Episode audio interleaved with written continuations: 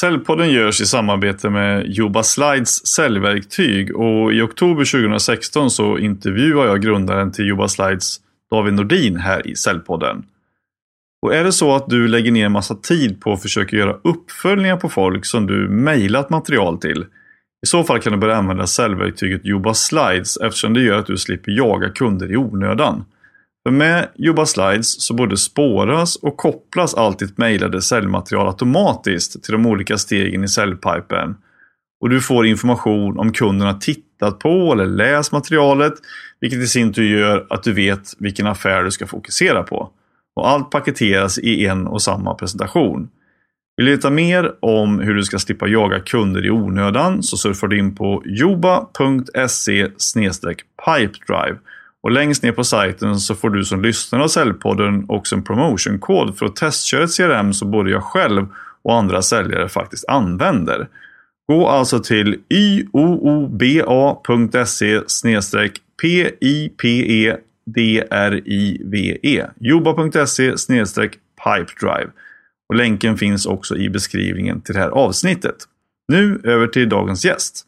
Idag via Skype har jag med mig Henrik Larsson Broman från ProSales Institute. Och har man något som helst intresse för försäljning så bör man veta vem du är vid det här laget tycker jag.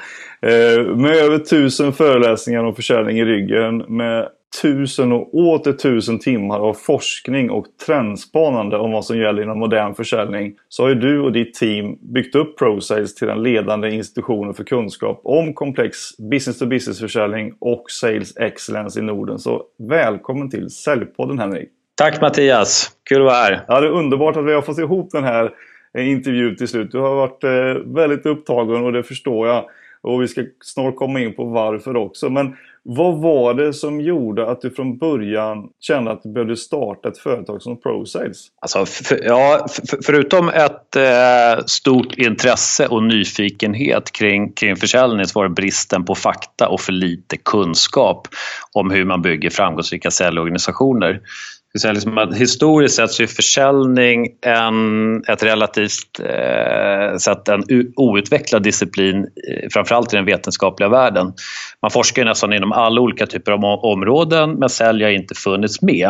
Eh, och förvisso är försäljning tvärvetenskapligt. Det löper ju allt ifrån genom ekonomi, psykologi, beteendevetenskap, ledarskap, marknadsföring och organisationslära med mera. Men det finns inte så många studier som kopplar ihop det här med just försäljning och hur man bygger framgångsrika säljorganisationer och säljare.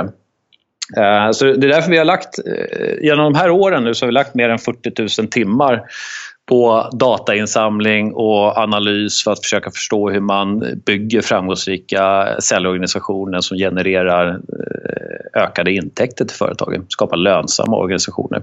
Samtidigt så vill jag slå hål på rätt mycket liksom myter som finns inom, inom säljområdet.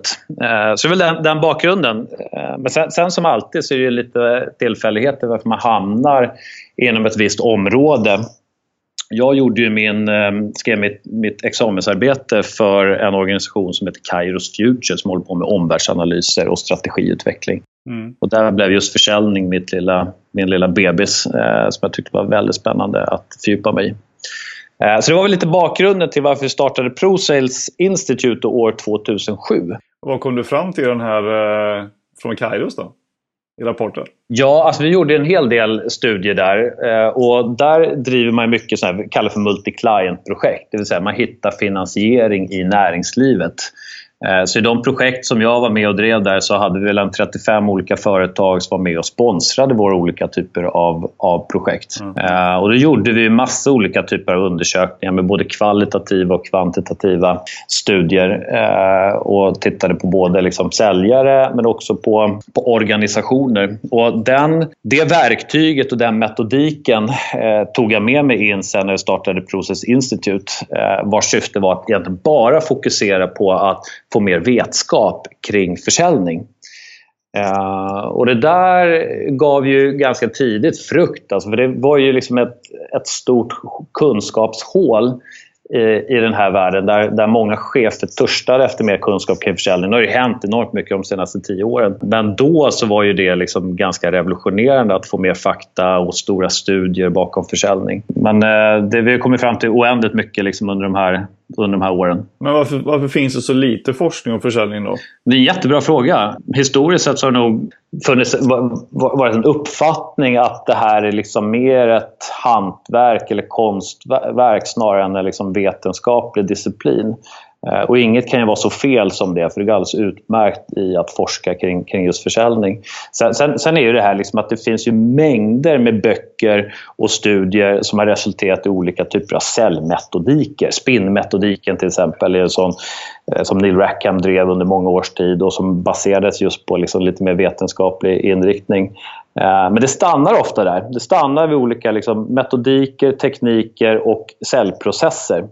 Eh, och få har ju tittat på organisationen bakom. Och Det var ju kanske den första slutsatsen som vi drog i de studier vi gjorde på, på Kairos Future. Att vad organisationen gör, det vill säga vad vi har för någon strategi, vad vi har för någon kultur, vad vi har för någon ledarskap, vad vi har för någon organisation som stöttar säljarna har en större förklaringsvariabel än säljarnas arbete. Alltså säljarna, vilka säljare vi har är jätteviktigt såklart. Det förklarar ungefär 25% av ett företag, eh, företags framgång och liksom själva organisationen bakom upp i 35 eh, Så att, eh, man, man, måste givetvis titta på båda perspektiven. Mm. Du ska alltid börja med organisationen. Det kanske vi kommer in lite senare på i, i det här samtalet. Idag så är ni ju liksom ett, ett riktigt go-to-företag om man till exempel behöver lösa komplexa säljproblem eller få ordning på säljmodeller eller sina säljorganisationer. Då. Men var det så från början när ni var helt nya eller var det svårt i början att få, få liksom kunderna att förstå att det här var viktigt att, att ta reda på? Alltså, första, första åren var helt fantastiska. Vi startade som sagt 2007 och då började vi med att dra igång ett, ett större forskningsprojekt om, om framgångsrika säljorganisationer. Mm. Uh, och uh, det gick faktiskt enklare än, än förväntat. Uh, den första kunden som vi drog in var Adecco och sen så rullade det på. Så hade vi ungefär 35 större företag som då var med och sponsrade det här, det här projektet. Eh, och det blev väldigt, väldigt lyckat och väldigt, väldigt uppskattat. Och resultatet av det, förutom själva kunskapen vi genererade, blev ju olika typer av benchmarkverktyg. Så de studier vi gjorde på hundratals organisationer och tusentals säljare i Sverige kunde vi också få jämförelsedata. Så man kunde ta tempen på sin säljorganisation eller sin säljkår och jämföra med hur man ligger till i de viktigaste parametrarna. Mm.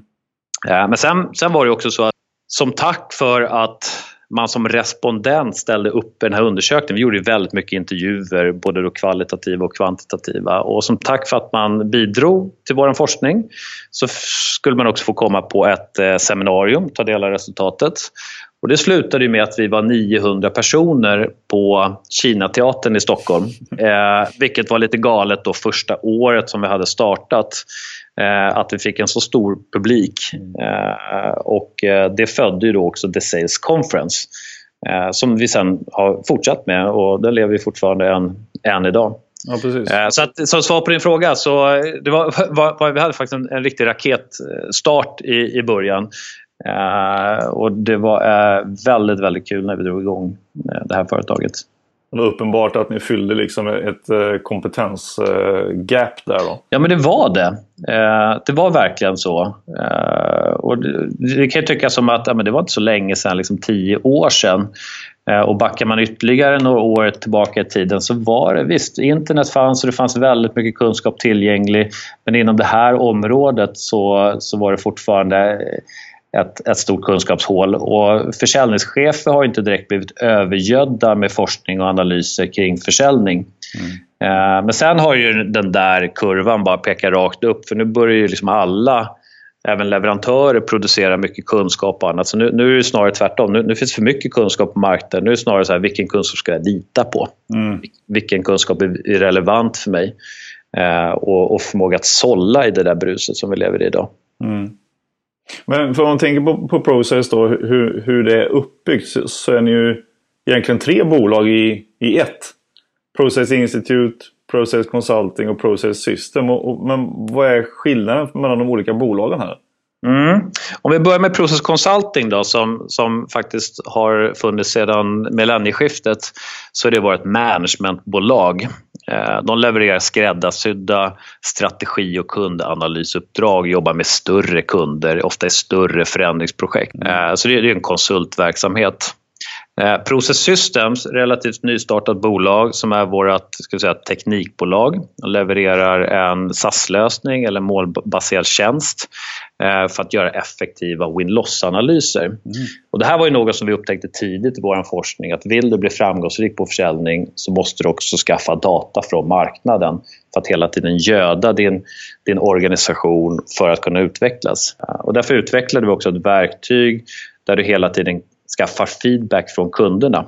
Okay. Allt ifrån hur, hur de upplever eh, dig som organisation, hur de upplevde säljaren i, i mötet, eh, hur de upplever priset relativt deras konkurrenter och så vidare. Ett antal olika frågor. När du börjar få data kring det där från varje vunnen eller förlorad affär, då börjar man bygga volym. Och då börjar man hitta väldigt intressanta mönster i det här. Så det är vad Process Systems gör. Eh, jag representerar ju Process Institute och det är vår analys och forskningsverksamhet. Eh, vårat vårt kärnerbjudande idag det är ju våra nätverk, kompetensnätverk. Så vi levererar ju löpande kunskap, analyser och nätverksträffar till ungefär 300 chefer i svenskt näringsliv idag. Eh, och där vi ger dem inspiration, kunskapsutbyte och hjälper dem att bli mer utvecklingsorienterade. Uh, sen, sen, är vi mycket ute och föreläser och agerar rådgivare och vi har The Sales Conference också. Men, men i huvudsak så är vi ett litet minigartner inom, inom försäljning. Okej. Okay. Jag var ju själv med på några av de här för några år sedan och det var ju på de här frukostmötena framförallt och, och även The Sales Conference. Och det var oerhört proffsigt liksom. Eh, hela upplägget och konceptet och nivån på det hela är ju oerhört eh, Eh, starkt hela tiden. Kul att höra. Eh, Tack. Så att, eh, ja, sjukt imponerad. Så att, men, men de här chefnätverket då, hur, hur kommer man med där? Eh, ja, man, eh, man, man, köper sig en plats. Ja. Skämt åsido så eh, det, det, är en viss investering, 25 000 per år. Då har man ett års medlemskap eh, och då tillhör man det här nätverket och så arrangerar vi ungefär åtta träffar per år med olika typer av teman. Mm. Ibland är det vi som står bak, bakom en ny forskningsrapport eller en, en, analys eller kartläggning. Men ofta är det också externa föreläsare med olika typer av eh, inriktningar.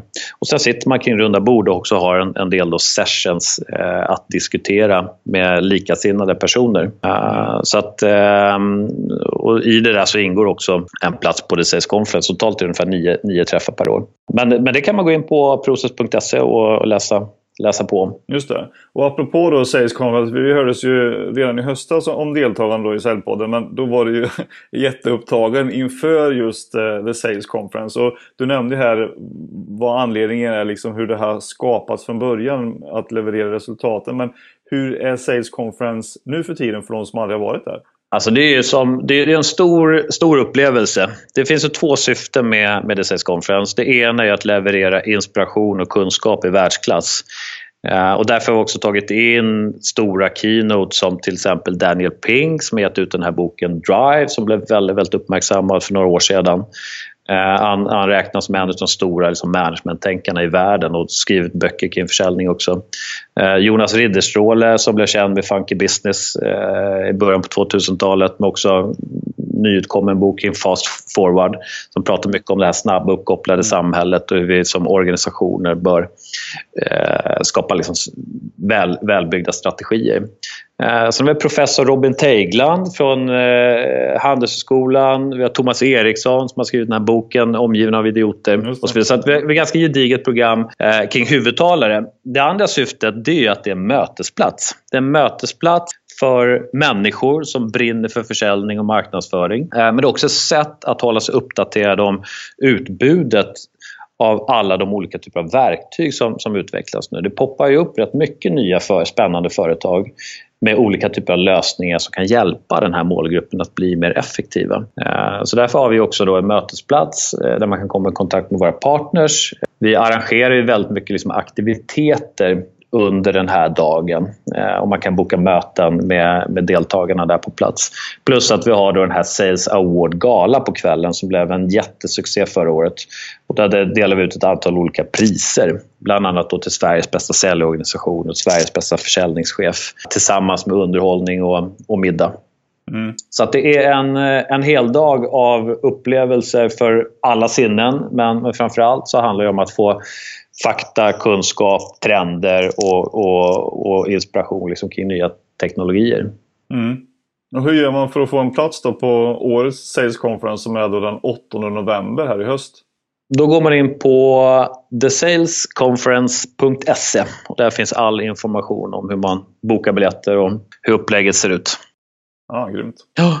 Jag lägger en länk här också till det här i, till beskrivningen av det här på, på säljpodden.se så man kan läsa och klicka sig in där. Jättebra. Men, men om vi tittar lite grann då på det som ni forskar om och det som du har sysslat mycket med de sista åren här. Det är ju, du har ägnat väldigt mycket tid åt att liksom förstå försäljning och se vilka då försäljningstrender som finns globalt sett och vart vi håller på att röra oss. Och om vi då skulle liksom ta en historisk snabb genomgång om hur försäljningstrenden liksom i grova drag sett ut låt säga, de sista hundra åren då från säljarens och, och, och, kundens perspektiv fram till idag. Hur har det sett ut, tycker du?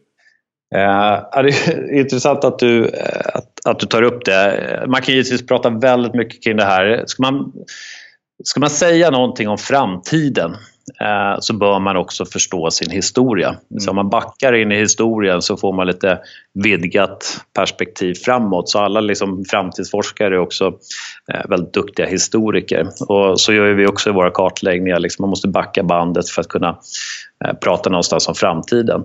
Sen kan vi börja där och säga att ingen kan ju faktiskt forska om framtiden. Man kan inte forska om det som har hänt eller som kommer att ske. Mm. Däremot så kan man ju jobba med att försöka förstå rörelser in i framtiden, det man kallar för trender. Mm. Eh, ofta är de här små händelserna som kommer, som sker från dag till dag, från vecka till vecka, från månad till månad och som bildar ett mönster. Mm. Och kan man kartlägga och förstå de här trenderna så kan man också rida på dem på olika sätt, kapitalisera på dem på olika sätt. Men, men om man skulle backa bandet lite grann som svar på din fråga, vad, vad har hänt de senaste hundra åren?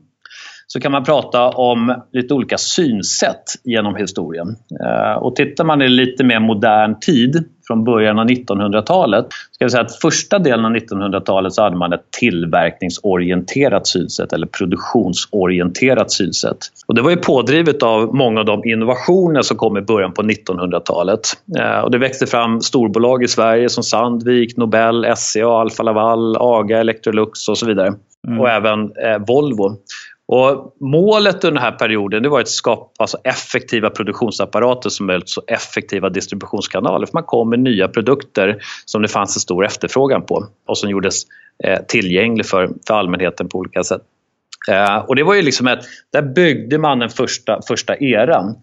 Eh, sen kom det börskrascher på 30-talet. Eh, det blev världskrig, det blev ökad internationell konkurrens. Och någonstans där så föddes ett nytt paradigm som jag brukar kalla för det försäljningsorienterade synsättet. Mm. Det, det handlar om att nu blev vi tvungna att faktiskt börja sälja våra produkter och tjänster i högre utsträckning. Då, då skapades mycket skolor kring försäljning. Tyvärr också väldigt mycket manipulativa eh, skolor mm. eh, och ibland bedrägliga praktiska metoder om hur man faktiskt skulle manipulera kunderna eh, och i många fall också lura kunderna för att öka försäljningen. Mm.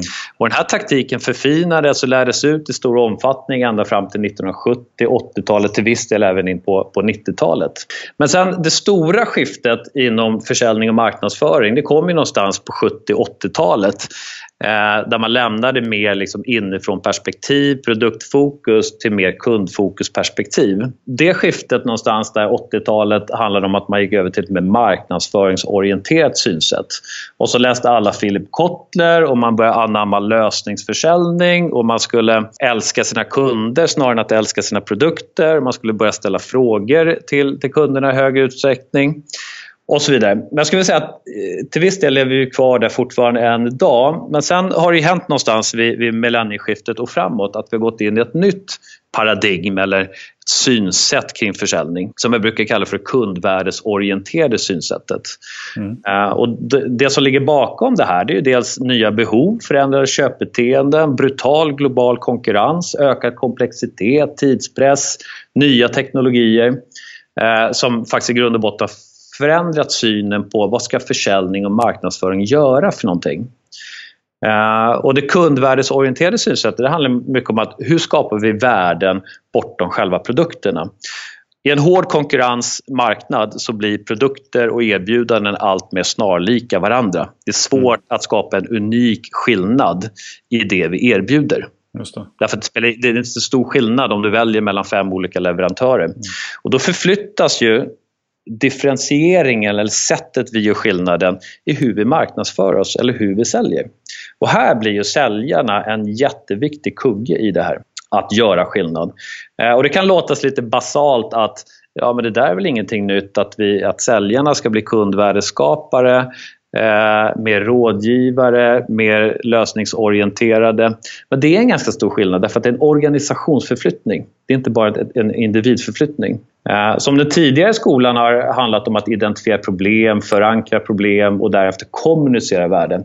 Så handlar dagens försäljning väldigt mycket om att skapa värde. Det är säljarna som skapar värde i interaktionen tillsammans med, med, med kunden. Mm. Eh, och här befinner vi oss idag. Eh, och dessutom finns det då en polariserande trend som har växt väldigt, väldigt kraftfullt. Eh, och det är den motsatta trenden som, som handlar om att vi automatiserar delar av sälj och, och, mm. och marknadsprocessen.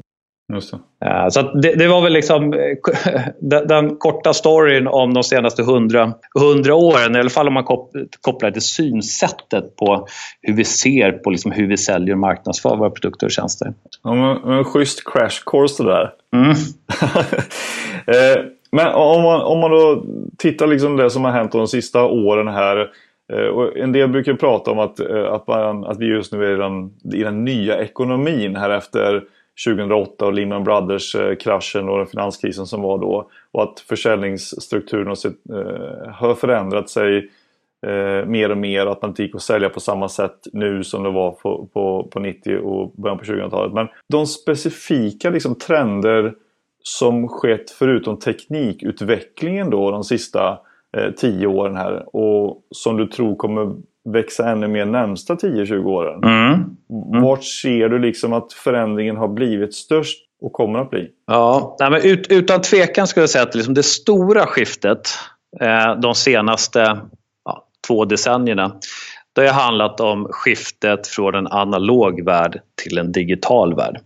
Mm. Och det föder ju en massa olika typer av konsekvenser. Allt ifrån hur vi kommunicerar, vilka kanaler vi använder när vi kommunicerar, Eh, till hur vi också interagerar, till hur vi köper produkter och tjänster, till också hur, hur vi utvecklar produkter och tjänster och hur vi levererar produkter och tjänster. Det får väldigt stora konsekvenser. Där. Men där är liksom den, den, stora, stora skiftet och där händer enormt mycket.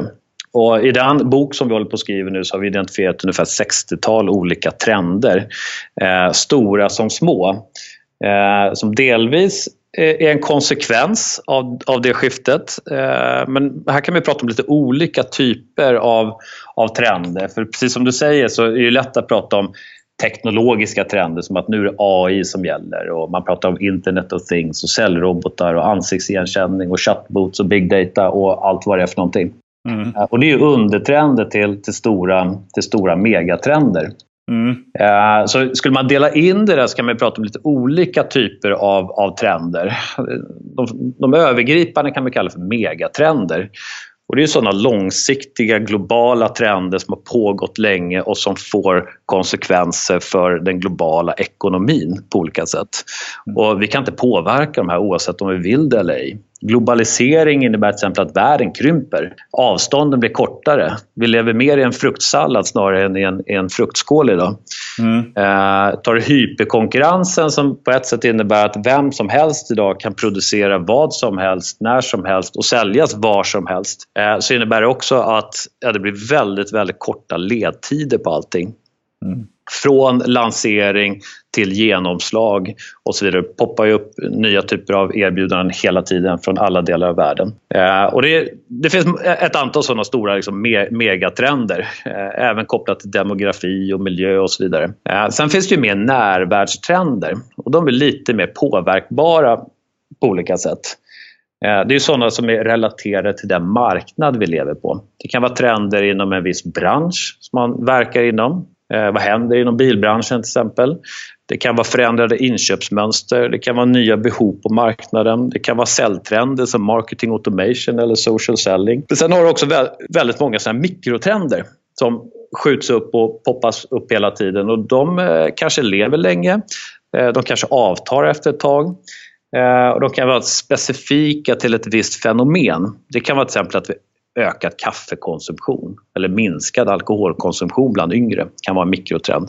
Eller att vi spelar mer Minecraft. Mm. Att kineser bär, bär, fler, bär fler glasögon. 87% av alla universitetsstudenter idag i Kina bär glasögon.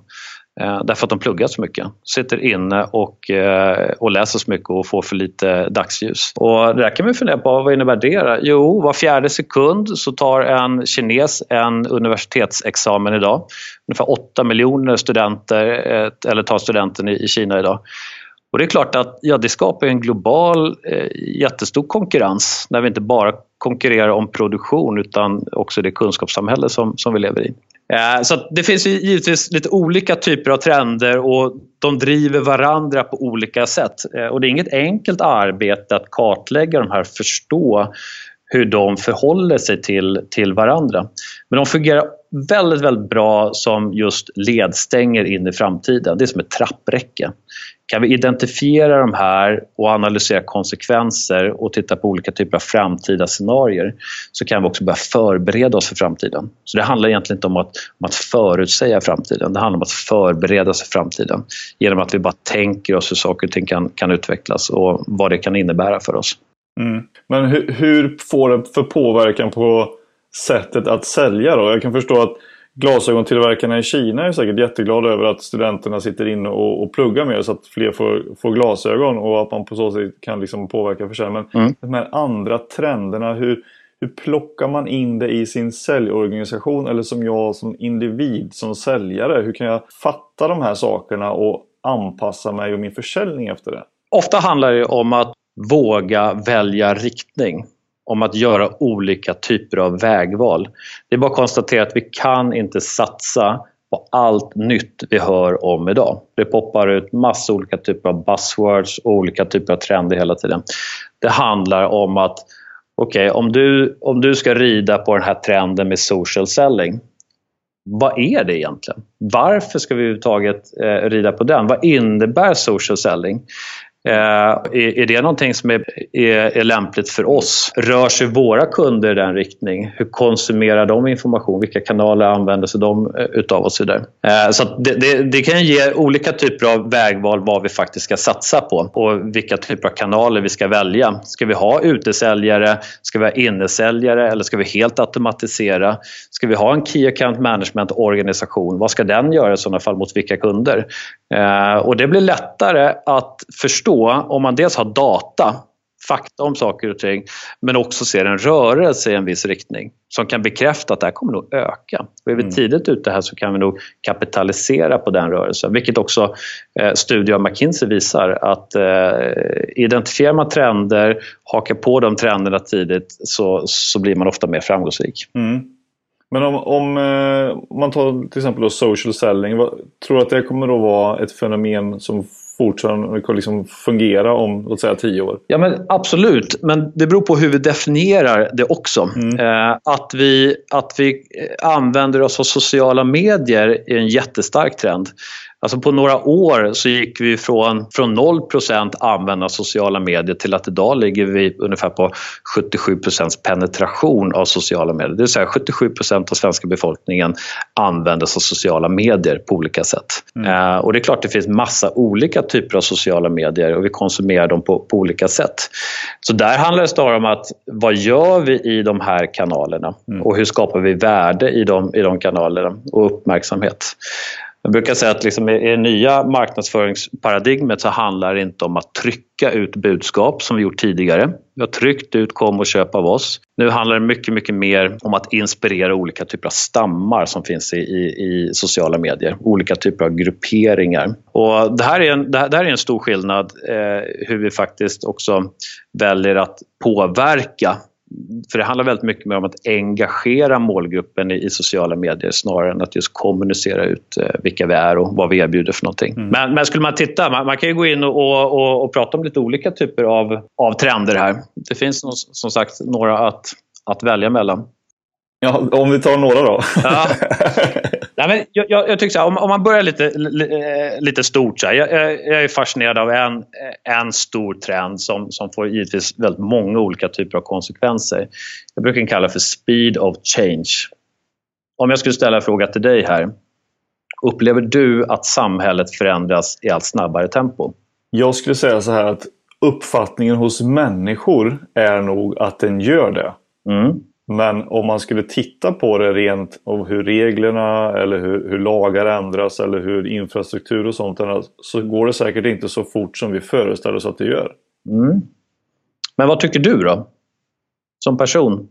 Eh, jag tycker nog att, eh, att alltid att det har varit en, en förändring men att, att tryck och sånt utifrån. Att man förväntar sig att man ska vara uppkopplad och, och det skapar stress. Och man förväntar sig att man ska vara på ett visst sätt skapar stress. Och då tror man att allting är i förändring och att allting händer så mycket runt omkring oss.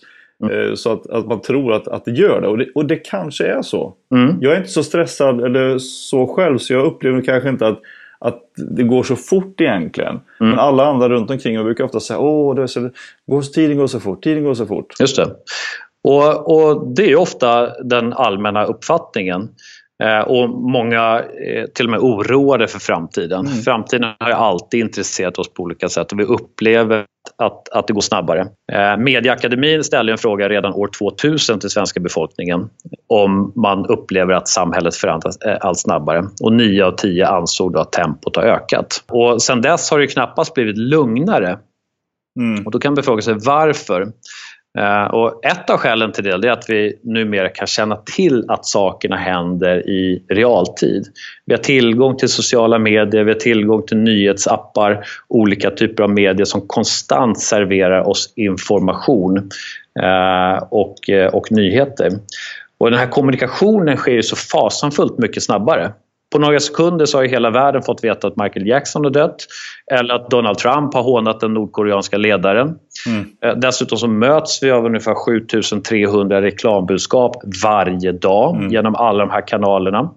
Och Samma sak gäller för innovationer. I en analog värld så tog det ju väldigt lång tid för en innovation innan den slog igenom och uppnådde en hög penetration på marknaden. I en digital värld så går det ju här enormt snabbt. Då kan du nå en miljonpublik på bara några timmar, dagar eller månader. Mm. Uh, om man jämför det med alla de innovationer som utvecklades under större delen av 1900-talet så brukar de följa en så kallad S-kurva. Mm. Går lite långsamt i början och sen så kommer en exponentiell ökning och sen så avtar det eh, efter ett tag. Och den här klassiska eh, S-kurvan var ju för många stora innovationer väldigt utdragen och på, pågick under långa olika typer av perioder. Det tog ju nästan, exempelvis tog det 100 år innan vi alla hade tillgång till en telefon. till exempel. Det tog 70 år för bilen att nå en full penetration. För tvättmaskinen tog det mellan 60 och 70 år. Mm. I, en, i, en, I den här analoga världen så tog det enormt lång tid. Vi hade långa ledtider att ställa om. För alla de som höll på med hästtransporter och grejer så kunde de leva i ett antal olika decennier innan de helt blev utkonkurrerade av bilen till exempel. Om du jämför det med mobiltelefonen så tog det ungefär mellan 5 och 10 år för att nå halva befolkningen. Mm. Uh, och sen så går det över då till den här digitala världen.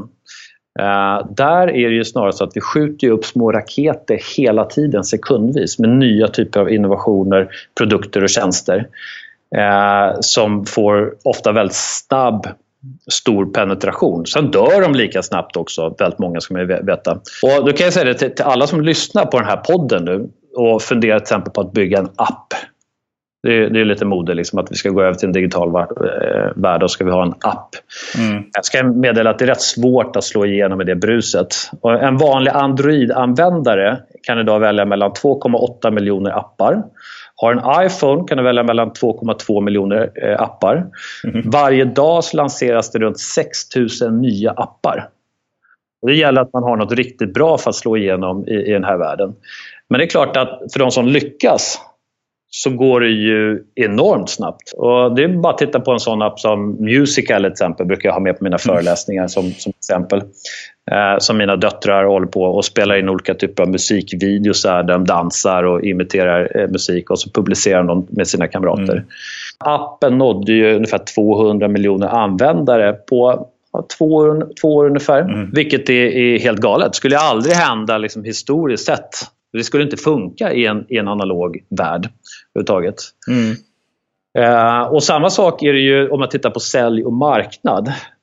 Om du tittar på den här eh, Martech-kartan, mm. Marketing Tech, över olika typer av verktyg så, så finns det ju några stycken att välja mellan idag. Och för, för en försäljnings eller marknadschef är det totalt omöjligt mm. att hålla sig uppdaterad på det om man inte skulle lägga 100% av sin tid på att bara uppdatera sig om utbudet. Jag läste att det fanns eh, över 3500 olika program för det sägs enablement och Martech då, mm. inom, inom den här digitaliseringsdelen. Men, men hur ska man liksom förhålla sig till det då?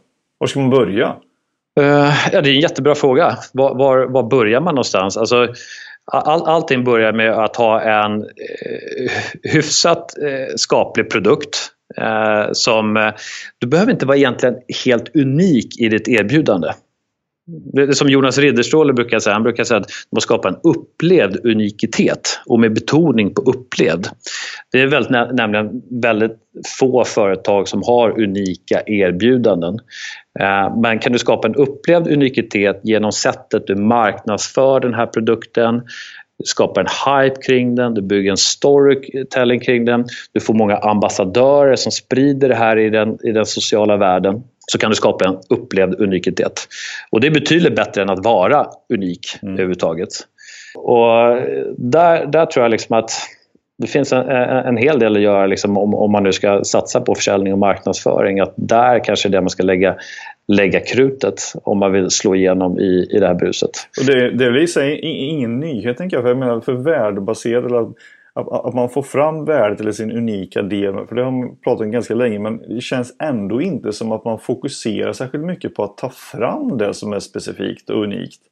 Nej, hur, hur, tänker du då? Nej, men jag tänker att ja, men nu jobbar vi med det här och sen så säger man bara att ja, men vi har det här, vi har det här, vi erbjuder de här sakerna, de här sakerna. Mm. Och så blir det, ja men vänta nu, det är ju de här fem andra också. Mm. Man jobbar inte särskilt mycket med den här upplevda unikiteten för att skapa den här mystiska saken eller den här eh, hypen eller den här eh, känslan av att, att, man ingår i ett community med andra lika coola som jag eller vad det nu kan vara. Mm, mm. Det är väldigt få, och det verkar som du säger att de, de få som lyckas göra det de mm. får jättegenomslag men de mm. andra är bara en grå massa som är på sidan 7 på Google. Mm, mm. Och de kommer inte leva så, så himla länge. Uh, för det är lite så att du, du behöver vara du kanske inte behöver vara etta, men, men du kan inte vara åtta på den här listan. Uh, det kommer bli extremt svårt. Varför gör, varför gör man inte det då? Tänker, om, man, om det är så tydligt att det, att det är det som behövs, varför gör man det inte? Nej, men det finns ju inga självklara recept här. Hur man blir framgångsrik i en kaotisk omvärld.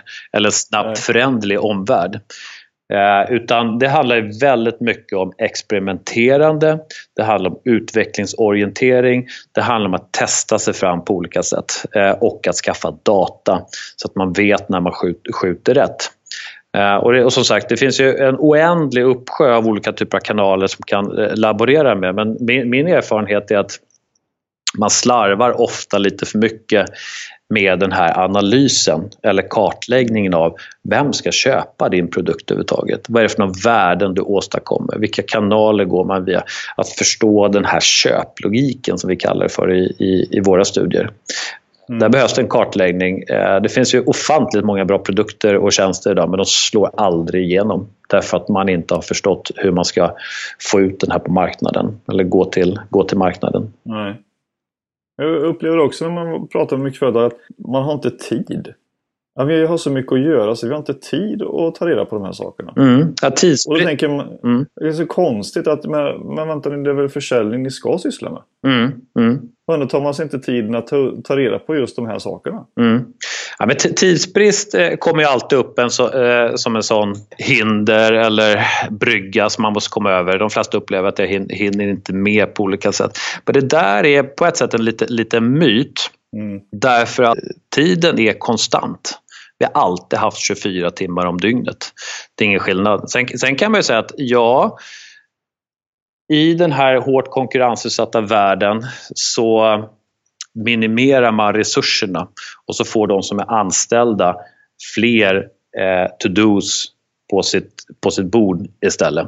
Och det är klart att får vi fler saker att göra med samma tid, ja, då, blir det ju, då blir det svårt. Då upplever man den här tidspressen. Mm. Eh, men, men själva myten, den, den handlar ju snarare om att vi är så fruktansvärt störda av all den information som kommer till oss hela tiden. Det finns en hel del studier på det här. att om du till exempel sitter och jobbar med din kognitiva förmåga, om du sitter och skriver eller analyserar eh, eller jobbar lite mer strategiskt. Eh, så fort du har ett mail som pockar på din uppmärksamhet eller det är någonting på Facebook som väntar eller du ska gå in på LinkedIn eller du ska svara på ett samtal. Alla de där små avbrotten gör att du blir oproduktiv. Så, så, så man, blir, man, man sänker sin egen produktivitet. Så det handlar väldigt mycket om att prioritera idag.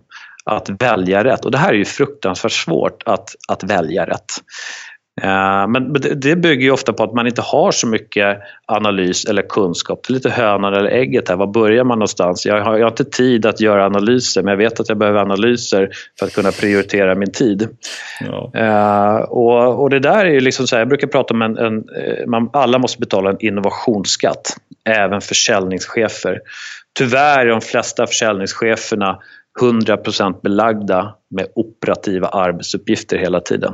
De mm. hinner aldrig sätta sig ner och bara reflektera och tänka. Hur ser framtiden ut?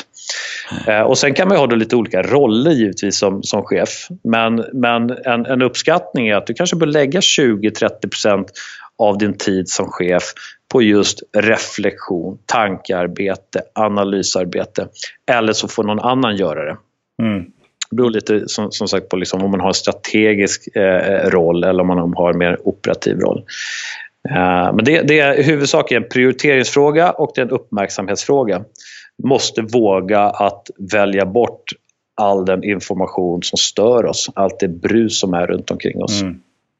Jag hörde min svärfar berätta här att en ny trend på after work i England, vet du vad det är? Mm, nej. Man går, inte man går inte och tar en bärs ihop utan man samlas på after work och sitter bara helt tyst.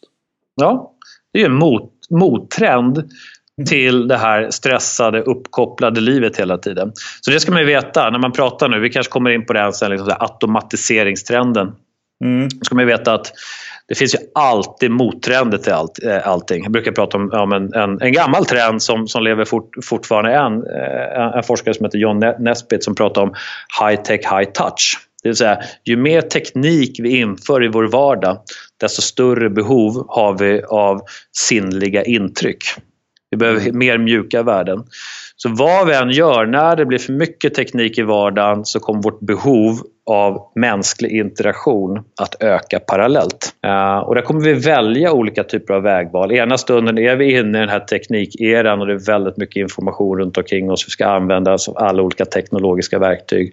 Och andra stunden så behöver vi avkoppling och, och rensa hjärnan uh, och använda våra sinnliga intryck i, i större utsträckning. Men finns det en potentiell eh, möjlighet här då för säljare att kunna anamma lite mer mjuka värden i sitt sätt att vara med sina kunder som, som kan fylla en del av den här high touch-grejen? Ja, absolut. Eh, och det är där vi människor kommer att göra skillnad. Mm. För om man, om man kommer in på den här trenden kring automatisering så det är en trend som har pågått ja, nästan sedan tidernas eh, begynnelse men som har mm. accelererat något enormt de senaste 10-20 åren när vi klivit över den här digitala eh, eran. Och det, det, det, vi gör nu, för nu, nu kommer vi kunna automatisera och vi ser det redan nu, liksom bara mellan 2007 och 2011 så automatiserades ungefär 450 000 jobb i, i Sverige. Uh, och där jag bor i Bromma åker min uh, Nockebybanan. Där är konduktören bortrationaliserad. Det är en stolpe som står där. Mm. Och det där har pågått ända sedan man tog bort lykttändarna på stad, stadens gator som gick och, och, och tände lampor. De försvann Just ganska snabbt. Till att man rationaliserade bort väldigt många människor i jordbruket och sen i industrialiseringens spår så automatiserade man bort många som stod vid löpande bandet och så blev det industrirobotar. Mm. Och, och, det där har fortsatt och nu kan vi automatisera väldigt många olika typer av roller även i kunskapssamhället. Mm. Uh, och, och, det innebär ju att ja, om vi nu kan automatisera stora delar av sälj och köpprocessen vad ska vi då säljare göra för någonting? Mm. Det är klart att då sker det ju en kraftig polarisering där vi rör oss mot ytterkanterna. Och det här är, spänner över alla branscher, alla olika typer av verksamheter. Eh, det spänner globalt. Eh, och eh, där vi å ena sidan då automatiserar allting som går att automatisera. Alternativt så lägger vi fokus på den mänskliga differentieringen. Och Det kan handla om allt ifrån att har du en restaurang, ja, då ska du vara världsklass i service, miljö, upplevelse där på plats, det ska vara roligt, underhållande och så vidare. Det måste differentiera sig med de, med de mänskliga, liksom sinnliga in, intrycken. Annars kan du lika gärna automatisera det där och, och låta kunden beställa maten på nätet eller någonting.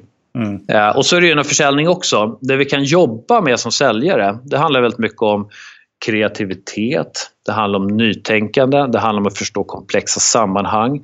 Det handlar om att kunna rådge kring saker och ting som kunden inte kan googla sig fram eller har hört förut.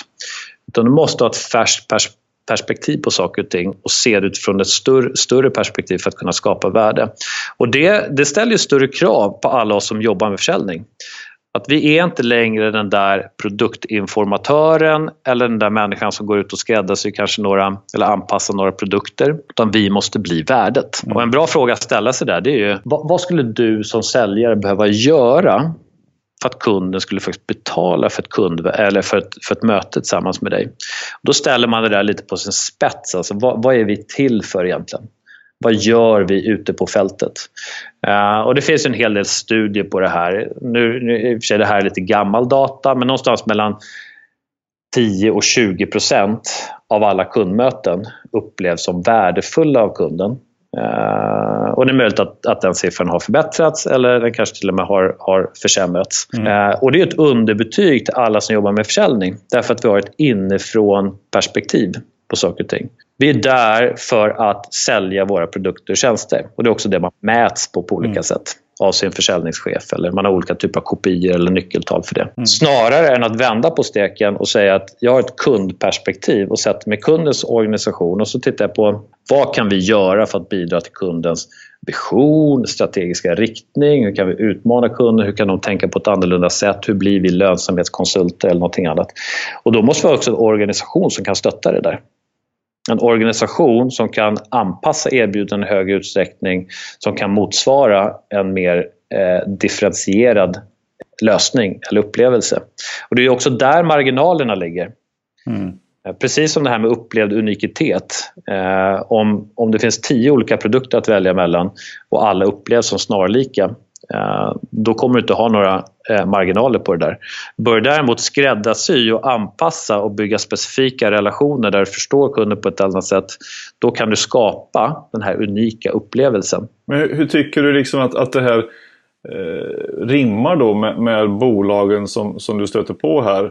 Eh, är de liksom rustade för att bli mer moderna i sitt tänk om försäljning? Eller går de kvar i gamla hjulspår? Ja, jag ska försöka svara på den eh, lite metodiskt här. Eh, eller diplomatiskt eller, di, di, di, Diplomatiskt. eh, precis. Eh, så här, många företag försöker. Det ska, det ska man ge mm. företagen cred för. Eh, det som jag ser som problemet det är att man ofta anammar, ja, men det kommer challenger sales och så kommer insight selling. Mm. Ja, då utbildar vi säljarna i det, så drar vi igång olika typer av program där säljarna ska bli mer utmanande, bli mer värdeskapande och så vidare.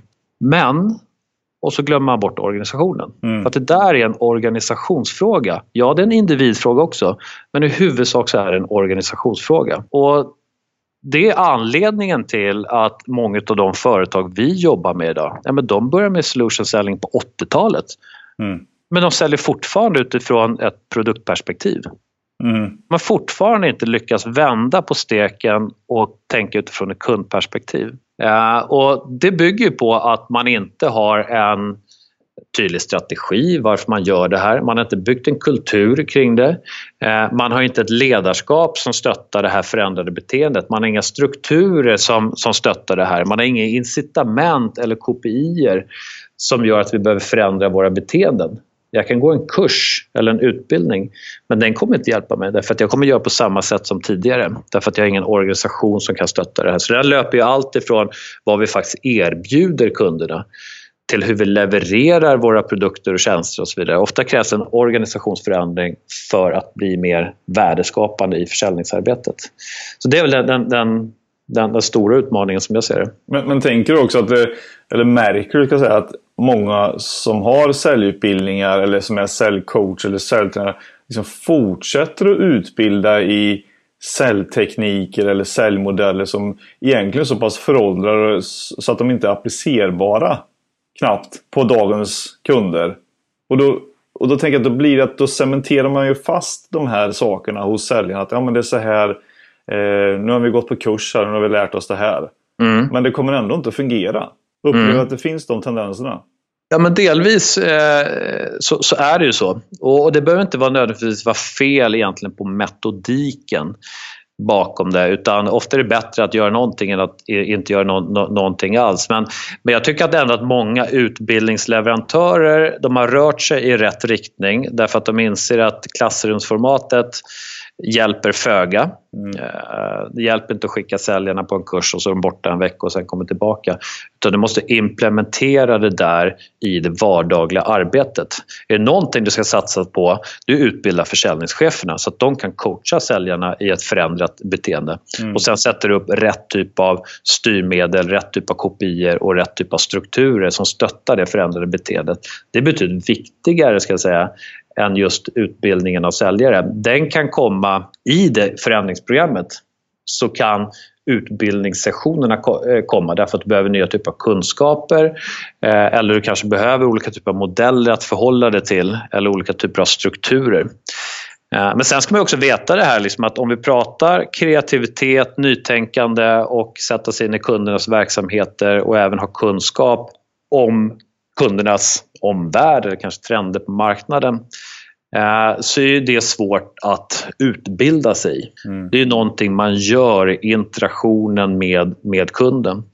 Och det handlar snarare om att identifiera, tror jag, eh, vilka beteenden är det vi ska främja. Vad är det för insatser vi gör när vi är ute hos kunden? Vad gör vi hos kunden? Mm. Och inte bara vad det är för några frågor vi, vi faktiskt ställer utan vad det är vi ska ta reda på. Och det där beteendet kan man sen eh, coacha på olika sätt. Men, men det är därför jag också förespråkar den här win-loss-analysen därför att den ger ovärderlig information eh, till organisationen om hur man kan coacha säljarna på, på bästa sätt. Mm. Den som ni har i Process Systems där? Mm, precis. Mm, mm. Men tänker du att trenderna går mot att det blir Eh, att säljare som anställs nu ska vara mer omvärldsbevakande och tekniskt intresserade för att lyckas då? Och är kanske mer, eh, inte så eh, utåtagerande utan mer, mer mjuka och introverta? Eh, ja, alltså det, det, finns ju en väldigt tydlig rörelse i, i det, det ska, det ska man ju veta i alla fall. Och, och, det behöver man inte vara forskare för att komma fram till. Alltså jag brukar säga att säljare blir ju mer och mer organisationskonsulter. De blir ju mer verksamhetsutvecklare. Och det här är lite paradoxalt för även om du säljer en specifik liten lösning, låt oss säga att du säljer en, ett, ett litet verktyg någonstans, så är det så att de flesta organisationer har ju rört sig från att jobba i stuprör till att jobba eh, tvärfunktionellt. Man mm. pratar om olika typer av flöden där allting hänger samman. Och Då blir det lite problematiskt där, för om du ska gå ut och sälja din produkt som en del i den där kedjan så måste kunden ta hänsyn till hela kedjan och fler och fler kommer att involvera sig i det där beslutet även om det är bara är en liten, liten länk i den här kedjan. Och Då är frågan, ja, hur ska vi sälja en sån typ av produkt? Ska vi gå in och bli verksamhetsutvecklaren så att kunden förstår hur hela den här kedjan fungerar? Då ställer det också krav på integrationsmöjligheter, att det där fungerar på den kedjan. Eh, och då blir ju per definition säljaren en verksamhetsutvecklare eller en organisationsutvecklare. Mm. Om man inte väljer att sälja den där fristående rent automatiskt som någonting annat. Men den, den vägen är ganska svår eh, att, att gå därför att du kommer att få väldigt många nej därför att det är en komplex, ett komplext inköpsbeslut. Men du som säljare kanske tycker att det här är världens enklaste produkt som jag faktiskt säljer. Mm. Eh, så det råder inget tvivel om att vi rör oss i en riktning där vi blir mer utvecklande som säljare. Du kan mm. kalla det för omvärldsbevakare, du kan kalla det för challenger eller du kan kalla det för insiktssäljare eller någonting annat. Eh, men nyckeln handlar någonstans om att inte bara förstå kundens organisation och deras strategi och långsiktiga mål utan också förstå hur deras marknad ser ut. Eh, och det är ganska kostsamt att driva den typen av försäljning. Så här, här blir liksom kvalificeringen väldigt avgörande, eller segmenteringen. Du kan inte bearbeta alla kunder på det sättet. Du måste välja väg. Vilka kunder vill ha vår rådgivning, vårat stöd? Var finns den här potentialen?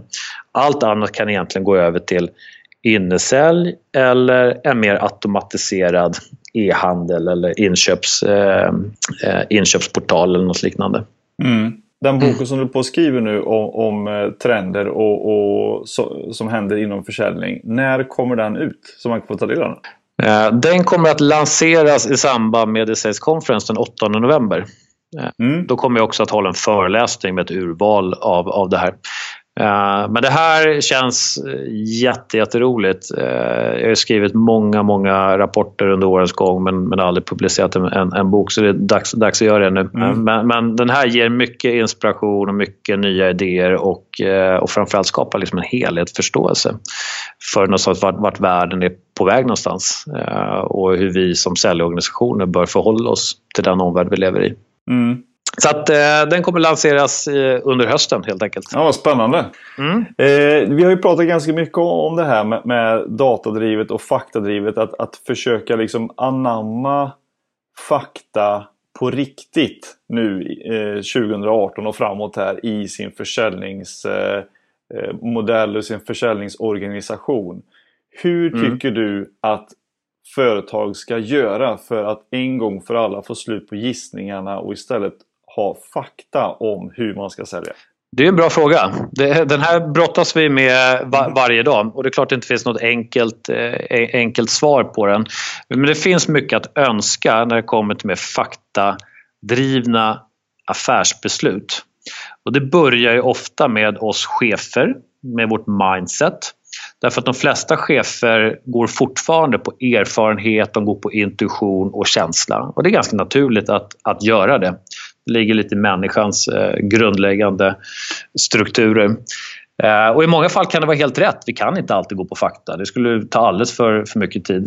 Eh, men idag så är runt 50% av alla affärsbeslut direkt felaktiga som leder oss i fel riktning, inte leder till den ROI vi hade önskat eller de resultat som vi hade förväntat oss. Det är väldigt kostsamt för företag. Om vi kan gå ner från 50 till 40 eller 30 procent felaktiga beslut så kan det få väldigt stora konsekvenser för våra resultat.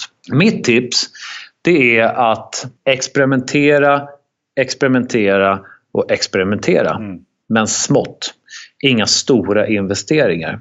Och Det är det som vi betraktar som utvecklingsorientering. Normalt sett har det här legat på någon rd funktion i organisationen eller någon som jobbar med affärsutveckling. Och Det kan vara fine att, att det är så, men vi behöver också föra in det här i säljorganisationerna och kanske i samverkan med andra funktioner, inte minst marknad.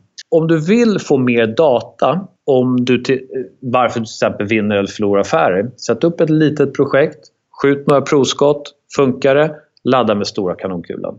Och du behöver också bygga in det här kulturen. Jag pratade om den här innovationsskatten tidigare. Men du behöver baka in det här i forum, processer, rutiner. Mm.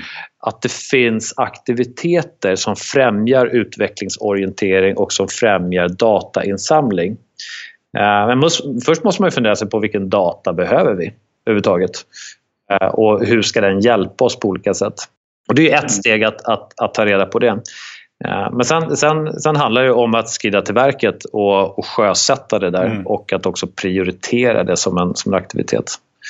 Mm. Men ibland kan det handla om att vi, måste ha, eh, få driva egna typer av studier för att kartlägga. Eller vi kan göra mätningar på, på våra säljare för att få mer fakta. Mm. Eh, det kan handla om att skaffa som sagt, data om, om våra kunder, hur de beter sig. Det kan man göra på, på lite olika sätt. Eh, det kan handla också om allt i det här eh, digitala. Liksom. Vad händer på vår hemsida? Eh, click rates, hur jobbar man med marketing automation? Där finns det ofta sätt att få, få data. Så börjar man analysera det, testa sig fram, testa, experimentera och sen till slut så hittar man ett sätt som, som fungerar. Mm. Och då skjuter man. Jag kan säga så här. Tekniken finns, så ta hjälp om ni behöver den. Och Exakt. hjälpen finns där ute om man vill ha den. Ja. Mm. Och, det, och, det, där är också ett, ett, problem. Tidsbristen pratade vi om tidigare, men också eh, modet att, eh, att investera i teknik. Mm.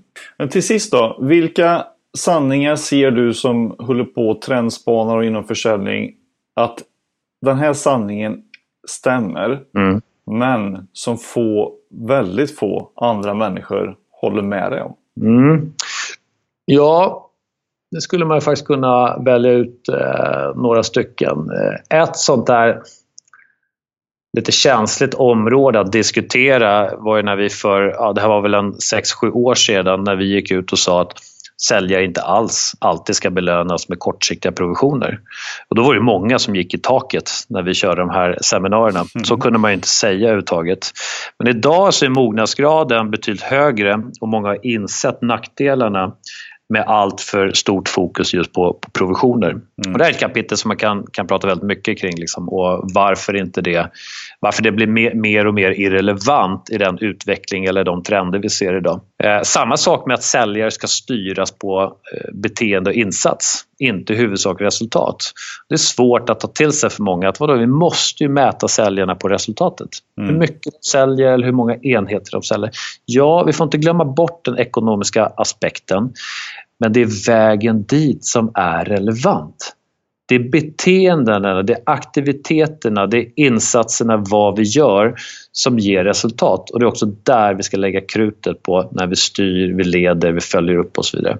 Det är allt för ofta som jag ser det i många, många möten att eh, försäljningschefen pratar pratar väldigt mycket om, om resultat. Nu ska vi nå hit och nu har vi bara det här kvar tills vi når resultatet och så vidare. Mm. Men det hjälper inte någon. Jag tror att de flesta säljare vill, vill nog utvecklas och vill nog eh, förbättra sina resultat. Jag säger som Jesper Ek sa, skit i resultatet, fokusera på människan istället. Ja, men eh, tyckte jag är vettigt. Och det var ju samma sak som när 2014 så stod jag på The Sales Conference och, och sa att många säljare kommer eh, bortautomatiseras. Då blev det också ett, ett, ett jäkla liv bland många eh, och tyckte att det där var både dumt och eh, inte så smart att, att säga. Men nu är vi där och många funderar på hur man kapar den här långa svansen av kunder. Eller inte kapar, men eh, gör det enklare för de kunderna att köpa. Och det behöver inte nödvändigtvis vara en massa säljare som bearbetar dem. Vi har haft horder av säljare tidigare som har bearbetat stora volymer av, av kunder och, och handelsresande. Eh, men i många fall så behövs inte de längre. Det finns smartare sätt att kommunicera eh, och sälja våra produkter och tjänster. Men, men det, där, det där tror jag vi kommer bara se än, ännu mer utav. Mm. Eh, och därmed inte sagt att, eh, som sagt, att säljare blir irrelevanta, tvärtom. Behovet av säljare har aldrig varit så stort som, som nu.